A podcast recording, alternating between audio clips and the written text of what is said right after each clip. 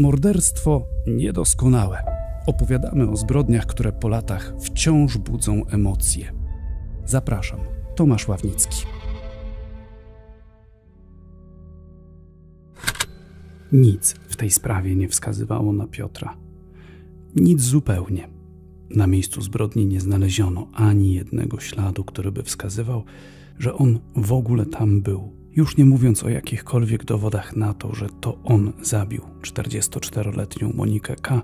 oraz jej matkę, 78-letnią Bronisławę J. A jednak został skazany. Najpierw na dożywocie, potem w kolejnym procesie wyrok złagodzono do wymiaru 25 lat więzienia. Gdy w sądzie okręgowym w Kaliszu wymierzono dożywocie, skazany nawet nie był w stanie zrozumieć, co to oznacza. Nie znał takiego słowa, nie pojmował jego znaczenia. Dopiero jak na widzenie do więzienia przyjechała jego kuzynka, starała się mu wytłumaczyć, iż zgodnie z wyrokiem sądu ma pozostać za kratami do końca życia, dożywotnio. Nie mieściło mu się to w głowie. I tu nie ma się co dziwić. Piotrowi Mikołajczykowi wiele się w głowie nie mieści. Jest upośledzony, zatrzymał się w rozwoju na etapie dziecka. To jednak w każdej możliwej instancji nie przeszkadzało w wydaniu wyroku skazującego.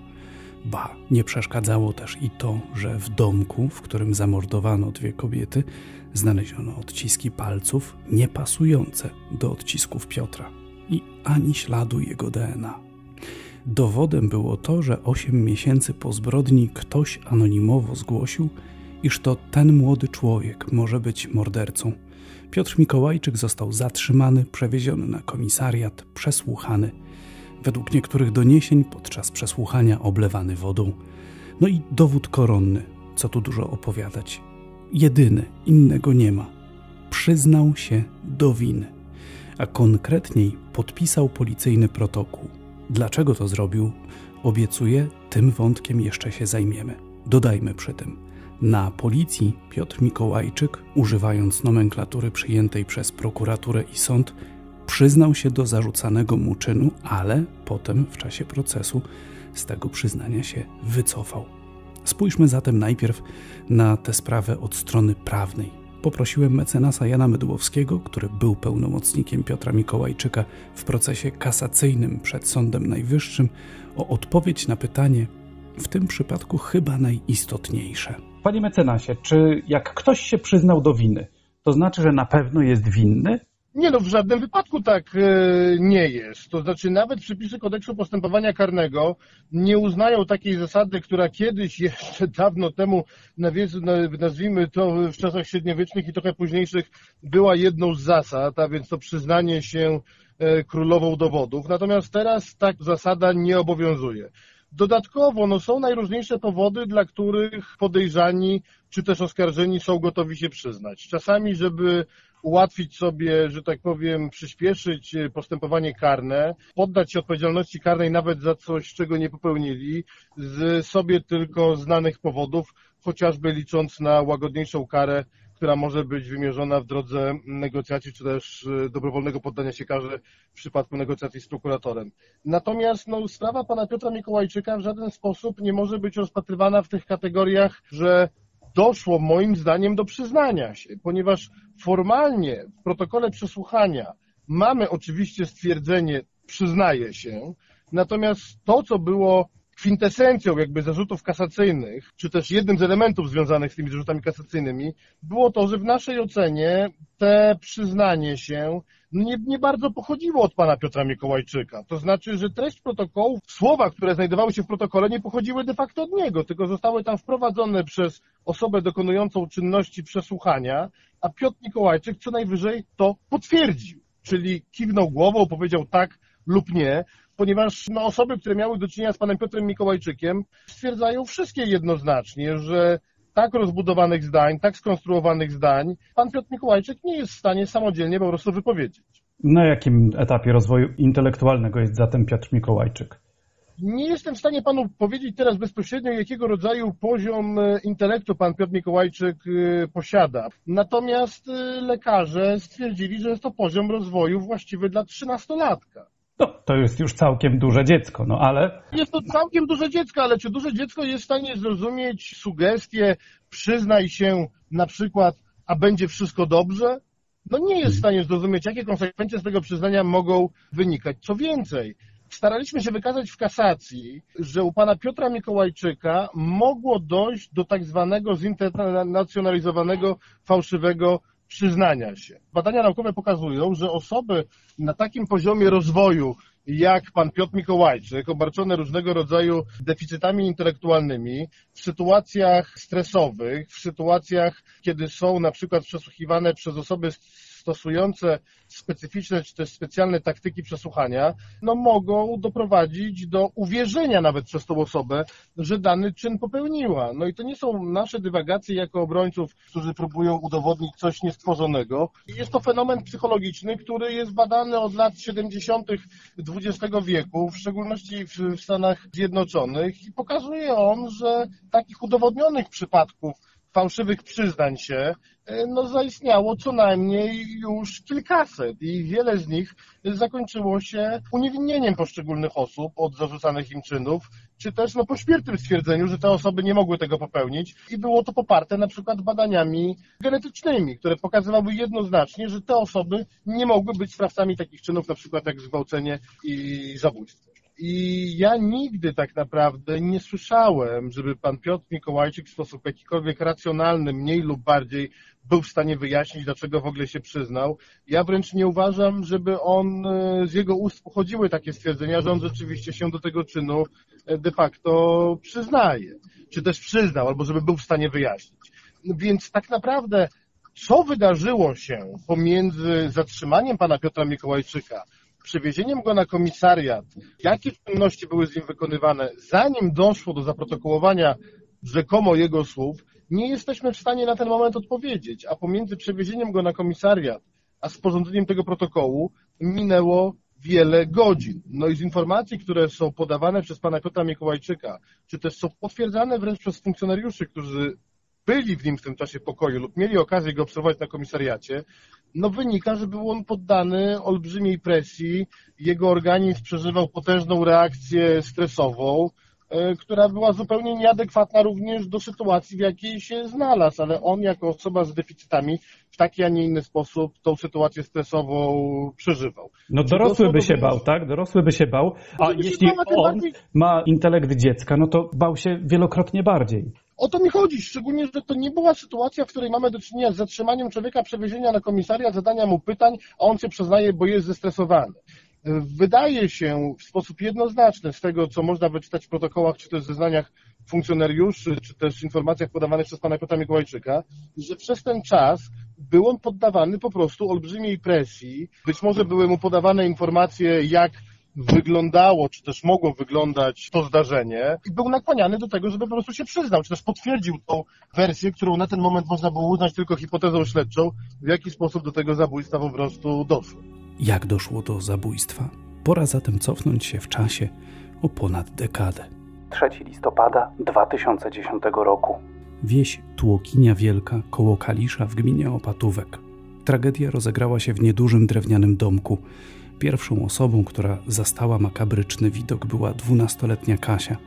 Dziewczynka po południu wróciła ze szkoły i zastała w środku mamę i babcię, leżące w kałuży krwi. Jak później wykazała sekcja zwłok, mama dziewczynki, pani Monika, dostała aż 14 ciosów siekierą, głównie w głowę i w klatkę piersiową. Kobieta zginęła na miejscu.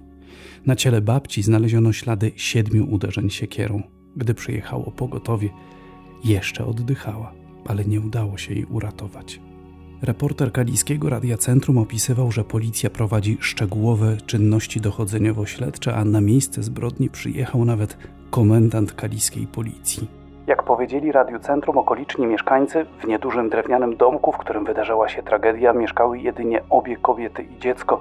To były bardzo spokojne osoby, niekonfliktowe, niezamożne Jeszcze we wszystkich świętych były razem na miejscowym cmentarzu, mówili wstrząśnięci sąsiedzi. Osierocona dziewczynka pozostaje pod opieką psychologa. Sekcje zwłok zostały przeprowadzone w czwartek około południa. Prokuratura czeka jeszcze na opinię biegłych w tej sprawie, powiedział Radiu Centrum Janusz Walczak, rzecznik prasowy prokuratury okręgowej w Ostrowie Wielkopolskim. Na ciele obu kobiet znajdują się liczne rany rąbane. Obecnie trwa dochodzenie, które ma ustalić dokładne okoliczności i czas śmierci obu kobiet. Na tym etapie postępowania nie można ujawniać bliższych informacji w tej sprawie. To fragmenty relacji Kaliskiego Radia Centrum. I choć wyglądało, że organy ścigania potraktowały te zbrodnie serio i robiły co mogły, by ustalić sprawcę, przez wiele miesięcy nie było żadnego przełomu. Policja potem powie, że było to wiele miesięcy pracy operacyjnej, które doprowadziły funkcjonariuszy do podejrzanego. Obrona Piotra Mikołajczyka później jeszcze przekaże, że de facto był to jedynie pewien donos. Ktoś sobie przypomniał, że w czasie, gdy doszło do podwójnego morderstwa, w Tłokini Wielkiej mieszkał upośledzony 22-letni Piotr, że pracował jako pomocnik w jednym z gospodarstw, że podobno utrzymywał kontakty seksualne z młodszą z zamordowanych. 8 sierpnia 2011 roku. Tego dnia zatrzymano Piotra Mikołajczyka, mieszkańca brzegu koło Sieradza. Wówczas 23-letniego, gdy doszło do zbrodni miał lat 22. Od samego początku policjanci traktowali tę sprawę priorytetowo, sprawdzali każdy ślad i każdą informację na temat sprawcy zabójstwa. Na początku lipca funkcjonariusze w wyniku działań operacyjnych uzyskali kolejną informację dotyczącą sprawcy zdarzenia, który mógłby mieć związek z tą zbrodnią. Na podstawie tego zatrzymali 23-letniego mieszkańca województwa łódzkiego, który przyznał się do podwójnego morderstwa.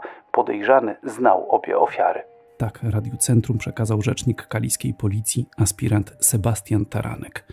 Rzecznik prokuratury okręgowej w Ostrowie Wielkopolskim Janusz Walczak dodawał zaś, że 23-latkowi błyskawicznie śledczy przedstawili zarzuty, że tu cytat, działając z zamiarem pozbawienia życia, zadał dwóm kobietom kilka ciosów tępym narzędziem w głowę i inne części ciała. Obie pokrzywdzone w wyniku doznanych rozległych obrażeń ciała zmarły. Prokurator podkreślił, że pokrzywdzone znały podejrzanego, bo przez jakiś czas przebywał on w Tłokini Wielkiej i że ów podejrzany w złożonych wyjaśnieniach opisał przebieg zdarzeń. Jak ten opis wyglądał, w jaki sposób tego dokonano, do tego wrócimy, gdy przeniesiemy się na salę sądową.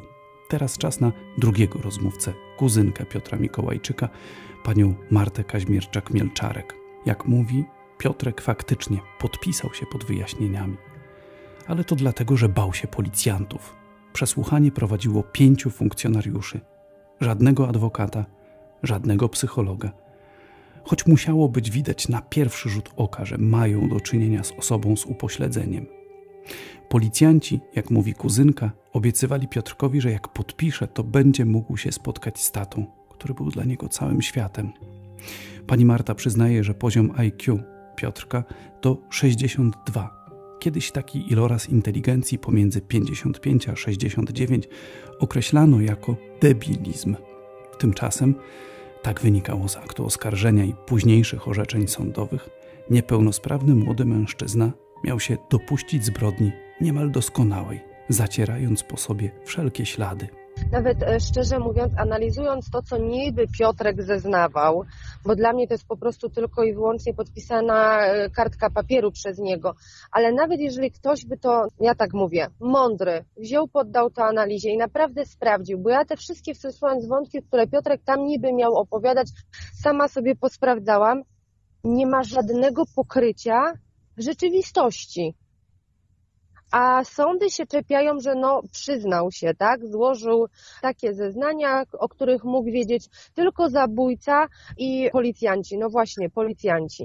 No właśnie.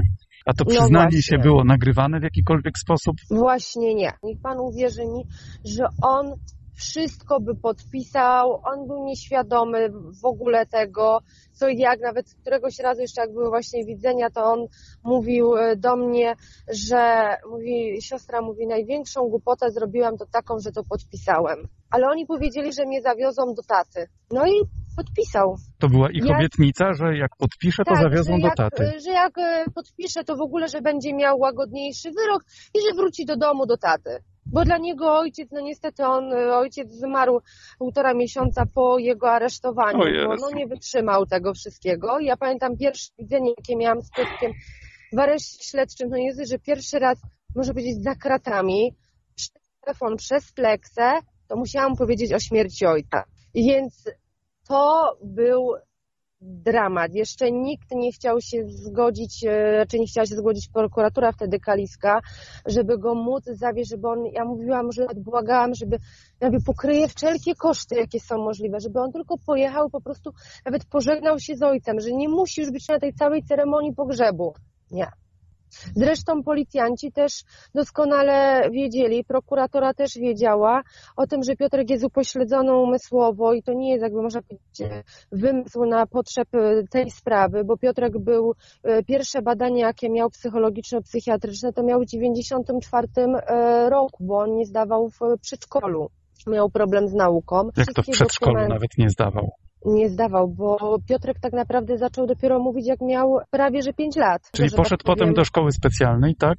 Nie, nie poszedł. On poszedł do normalnej szkoły, bo szkoła była u niego w brzegu, podstawówka, była na wprost, że tak powiem, jego mieszkania. Wiadomo, mhm. jak to jest na wsi, tak? Babcia tam jego zaniosła, jak to się mówi, jajeczka, kurkę, no i tak był przepychany, tak, z klasy do klasy. Coś tam moja mama razem ze mną go próbowaliśmy e, uczyć, żeby uczył się pisać i, i czytać, gdzie to było masakrą po prostu, żeby do czegoś go, jakby można powiedzieć, przekonać do, na, do nauki. No i tak był popychany, tak? Ze względu też na to, że jakby można powiedzieć, jego tata nie chciał się zgodzić na szkołę specjalną, no bo co będą na wsi mówić, że już jest, jak to się mówi, totalny głupek, tak? Więc dlatego on nie poszedł do szkoły, do szkoły specjalnej. Zresztą, no może pan sobie wyobrazić, jeżeli e, został ogłoszony wyrok e, dożywocia, a ja pojechałam do niego do zakładu karnego i musiałam mu tłumaczyć, co to znaczy wyrok dożywocia. Nie załapał, że to już tak na zawsze. Nie, nie, nie załapał. Dopiero jak ja mu to powiedziałam, to on jeszcze tak się na mnie popatrzył i pamiętam jego słowa, mówi tak, no ale Marta, to znaczy, że jeszcze będą jakieś rozprawy. Ja mówię, że nie, mówię, Piotruś, mówię, to już jest koniec. Sąd ogłosił, że dożywotnio, czyli mówię do śmierci, masz zostać tutaj w więzieniu. Taki był wyrok Sądu Okręgowego w Kaliszu. W trakcie tego procesu Piotr Mikołajczyk już od razu na pierwszej rozprawie oświadczył, że to nie on zabił 44-latkę i 78-latkę z Tłoki Niewielkiej, że nie przyznaje się do winy ale wobec tego sędzia Andrzej Miller odczytał wyjaśnienia złożone zaraz po zatrzymaniu. W protokole zapisano tak, jakby 23-latek mówił zdaniami wielokrotnie złożonymi, używając bogatego języka. Tymczasem rodzina nie ma wątpliwości, że tego Piotr powiedzieć nie mógł. On nie jest w stanie zbudować takich zdań. Mówi raczej półsłówkami, a jego zasób słów jest nader ubogi. Monikę poznałem u gospodarza w Tłoki Niewielkiej, u którego pracowałem pół roku na czarno. Spotykałem się z nią. To nie podobało się jej matce. Z Moniką umówiliśmy się na 3 listopada 2010 roku. Wcześniej sam wypiłem około litra wódki i cztery piwa. Tego dnia przed południem widziałem, jak Monika wychodzi z domu. Postanowiłem odwdzięczyć się jej matce za to, że wyzywała mnie kilka dni wcześniej. Wziąłem więc z garażu siekierę średniej wielkości, a raczej toporek i schowałem pod koszulę. Poszedłem do domu Moniki. Była tam jej matka. Zaczęła na mnie krzyczeć i kazała się wynosić. Zdenerwowałem się, wyciągnąłem z za koszuli siekierę i uderzyłem ostrzem, chyba wtedy jeden raz w przód głowy. Ona upadła. W tym momencie do domu weszła Monika. Kiedy chciała wybiec, złapałem ją za kaptur od kurtki. Monika przewróciła się, podszedłem do niej i uderzyłem ją siekierą trzy razy w głowę. Ona się zasłaniała. Potem zadałem jej jeszcze kilka ciosów siekierą w głowę, może nawet kilkanaście ciosów. Podszedłem do jej matki i jej również zadałem jeszcze kilka uderzeń siekierą. Uciekłem do gospodarza przez dziurę w płocie. Z jego stodoły obserwowałem, jak była policja i pogotowie u Moniki. Następnego dnia gospodarz odwiózł mnie do domu. Nikomu nie mówiłem o tym. Siekierę wrzuciłem do wody jeziorsko. Te wyjaśnienia oskarżonego na sali rozpraw odczytał prowadzący proces sędzia Andrzej Miller. Jak już wspomniałem, w pierwszym procesie wyrok brzmiał dożywocie. Obrona złożyła apelację, sprawą zajmował się sąd apelacyjny w Łodzi, on zaś nakazał przeprowadzenie procesu od początku i uzupełnienie materiału dowodowego. Cały ponowny proces to było kilka rozpraw. W 2015 roku Sąd Okręgowy w Kaliszu skazał Piotra Mikołajczyka na 25 lat więzienia. Tym razem już sąd apelacyjny w Łodzi zastrzeżeń nie miał i wyrok podtrzymał, a potem dwa razy kasację odrzucał Sąd Najwyższy. Pełnomocnicy skazanego jednak broni nie składają. Rozumiem, że w ten sposób próbuje pan dyskutować z tym, co podkreślił Sąd Najwyższy, bo Sąd Najwyższy stwierdzał, że w tym przyznaniu się do winy Piotr Mikołajczyk podał takie szczegółowe opisy, że no tylko sprawca mógł wiedzieć, jak to wyglądało, jaki to miało przebieg. Powiem tak, no niestety, ale uważam, że ten wyrok w jakimś sensie nie jest sprawiedliwy, a w każdym razie nie uwzględnia pewnej kluczowej tezy, czy też okoliczności, która była zarzutem o charakterze kasacyjnym. Sąd drugiej instancji, uchylając sprawę do ponownego rozpoznania, nakazał sądowi pierwszej instancji dopuszczenie dowodu, czy też przeprowadzenie dowodu z uzupełniającej opinii biegłych, którzy mogliby odpowiedzieć na pytanie, czy zastosowanie specyficznych taktyk przesłuchań w stosunku do pana Piotra Mikołajczyka mogło doprowadzić do jego przyznania się, czy też po prostu podania takich, a nie innych treści. I problem polegał na tym, że o ile sąd pierwszej instancji co prawda dopuścił tego rodzaju dowód, to znaczy dowód z opinii biegłych, od kiedy ci biegli, co sami przyznali przesłuchani na rozprawie, nie posiadali informacji czy też wiadomości specjalnych w zakresie taktyk przesłuchań, co sami przyznali.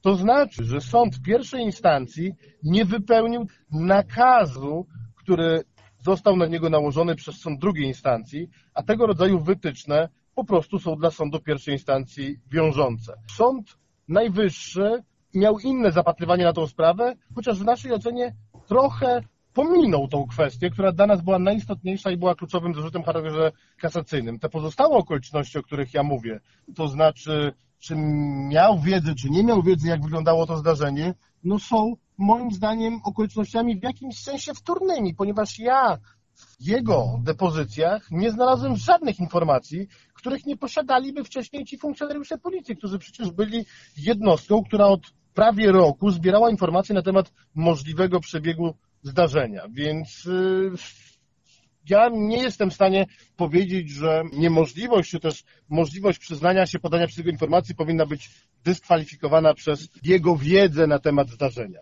To mhm. są informacje, które równie dobrze mogli posiadać policjanci. Są to zwykłe hipotezy śledcze, które no, policjanci na potrzeby każdego postępowania analizują. Więc w tej sytuacji nie wydarzyło się nic nadzwyczajnego. I żadnego takiego szczegółu, który byłby równocześnie udowodniony jakimkolwiek dowodem, przecież nie znaleziono. No to jak rozmawiamy o dowodach, to jakie są dowody na to, że Piotr Mikołajczyk w ogóle był w miejscu zbrodni? Żadnego. I na tym polega cały problem tej historii, ponieważ wedle tezy, która wynika z aktu oskarżenia prokuratury, jak również została zaakceptowana przez sądy wszystkich instancji, na Piotr Mikołajczyk niejako dopuścił się zbrodni doskonałej. Jeżeli widział Pan materiały z akt sprawy, jeżeli widział Pan zdjęcia z wnętrza tego budynku, no to był to obraz przerażający. Cały dom wymazany krwią.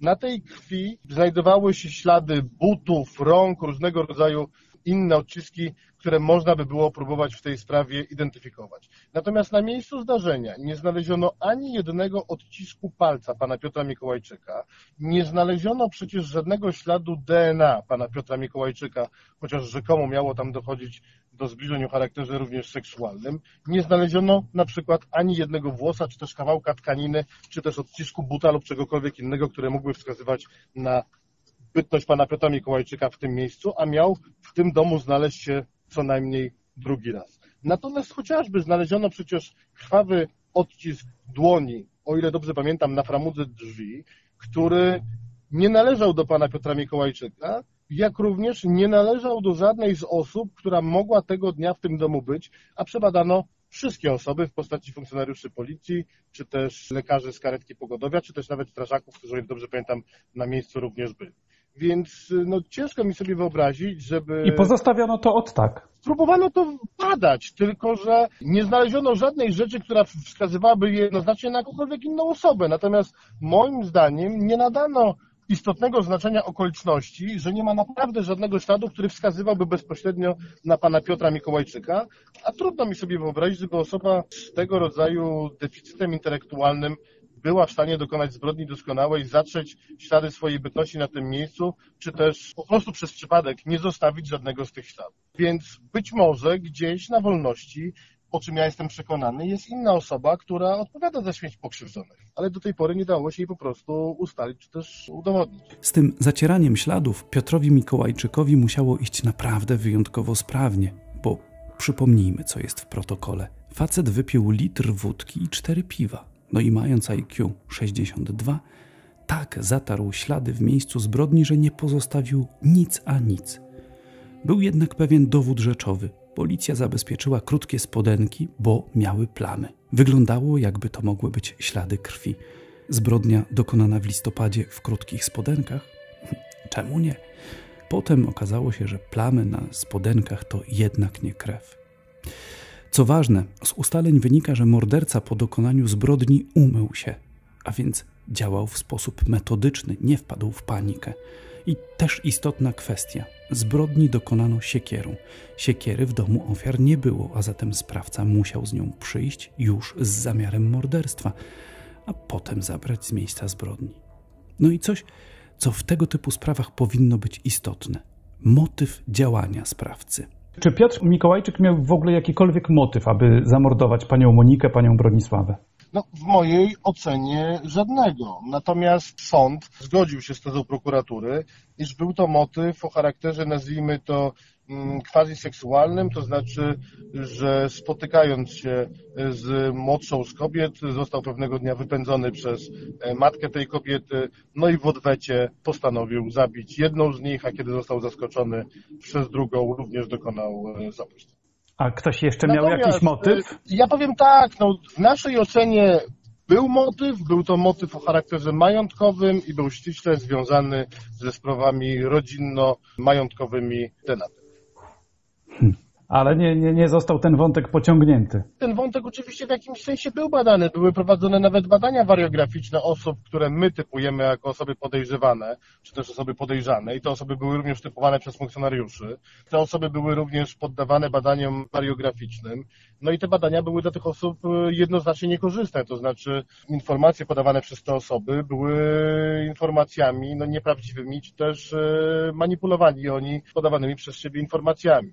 Natomiast no, nie był to żaden dowód, który pozwalałby jednocześnie przypisać tym osobom odpowiedzialność e, za ten czyn. Czy stało się tak z uwagi na niedopatrzenia w toku postępowania, czy po prostu z innych powodów ciężko mi naprawdę rozsądzić. A zatem kim był prawdziwy sprawca? Tego oczywiście nie wiemy, ale są pewne poszlaki wskazujące, o kogo mogłoby chodzić. Po zamordowaniu pani Moniki i pani Bronisławy z domku zniknęły pieniądze oraz, uwaga, testament. W tym testamencie 78-latka zapisała wszystko swojej córce.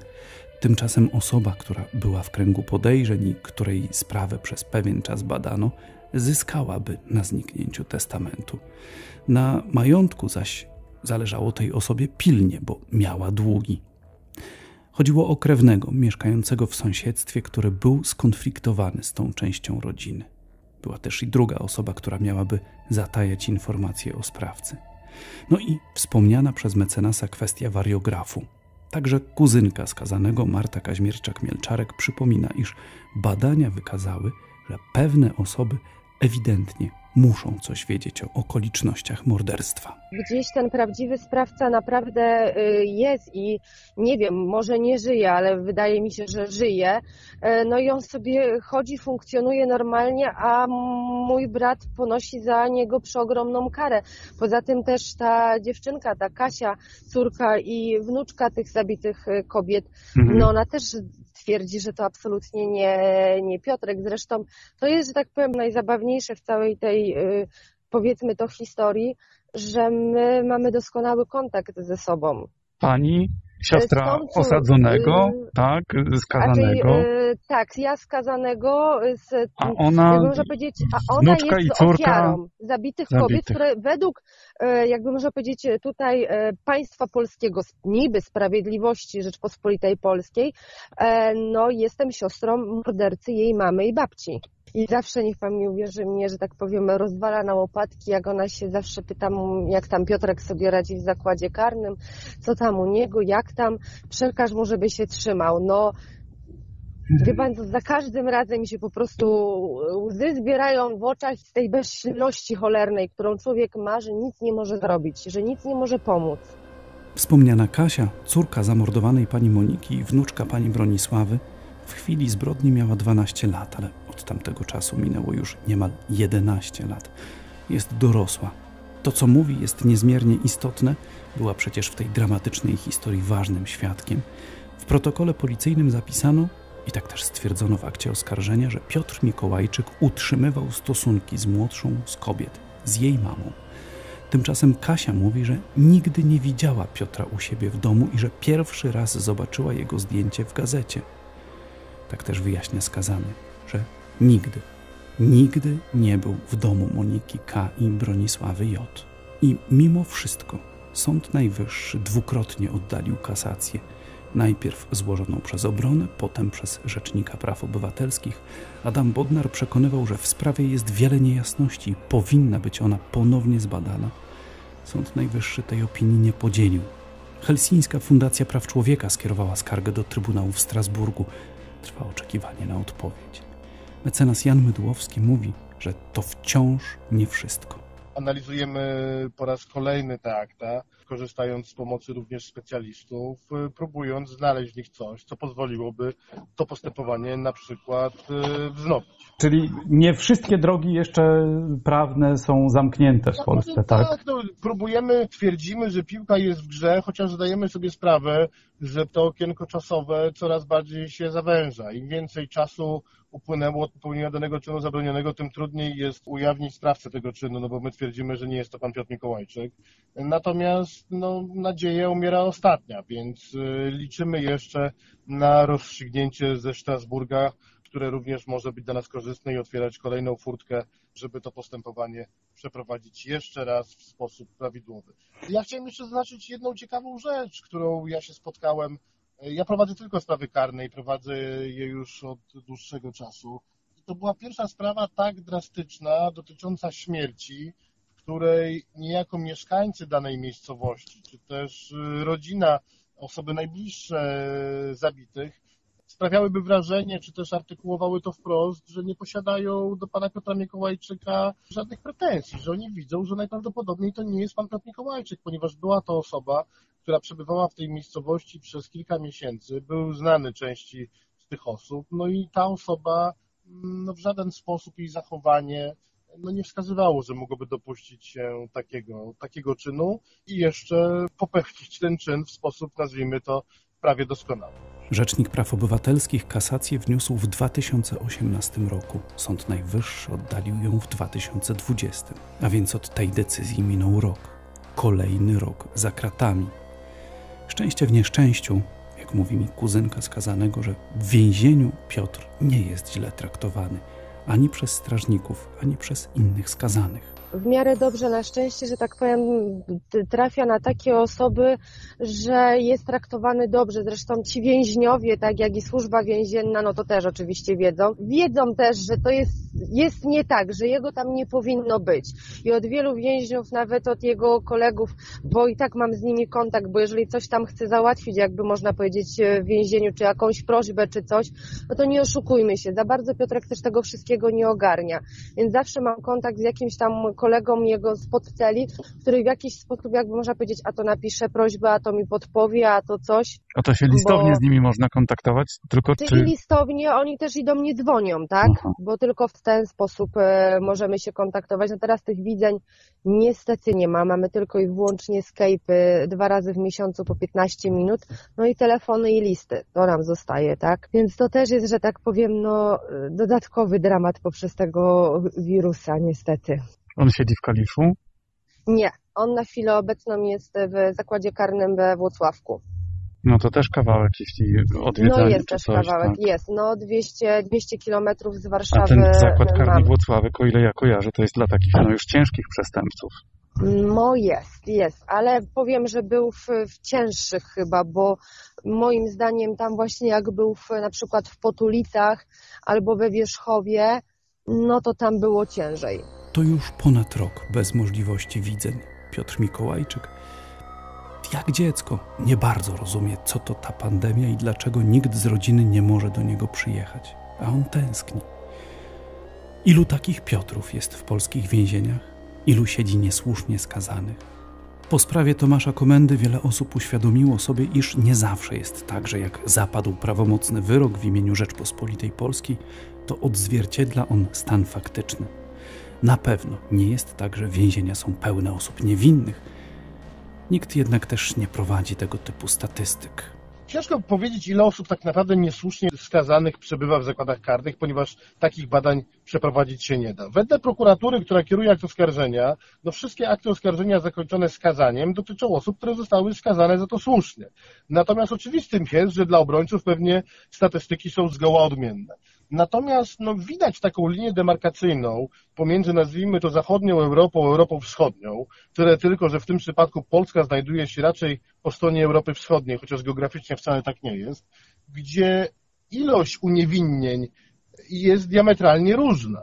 To znaczy, zarówno w Polsce, jak i na wschód od nas, mniej więcej około 98% aktów oskarżenia kończy się wyrokiem skazującym. Natomiast na zachodzie ten odsetek waha się raczej w przedziale 70-80%. Więc to o czymś po prostu mówi. Pytanie, czy jest to błąd, czy jest to niechlujność, czy jest to zła wola, e, a może wszystko jest ok. W policyjnych statystykach z pewnością jest ok. Było podwójne morderstwo, sprawca został namierzony, zatrzymany, oskarżony, skazany i osadzony. Z tego punktu widzenia wszystko gra. Ale bliscy Piotra Mikołajczyka na pewno nie odpuszczą.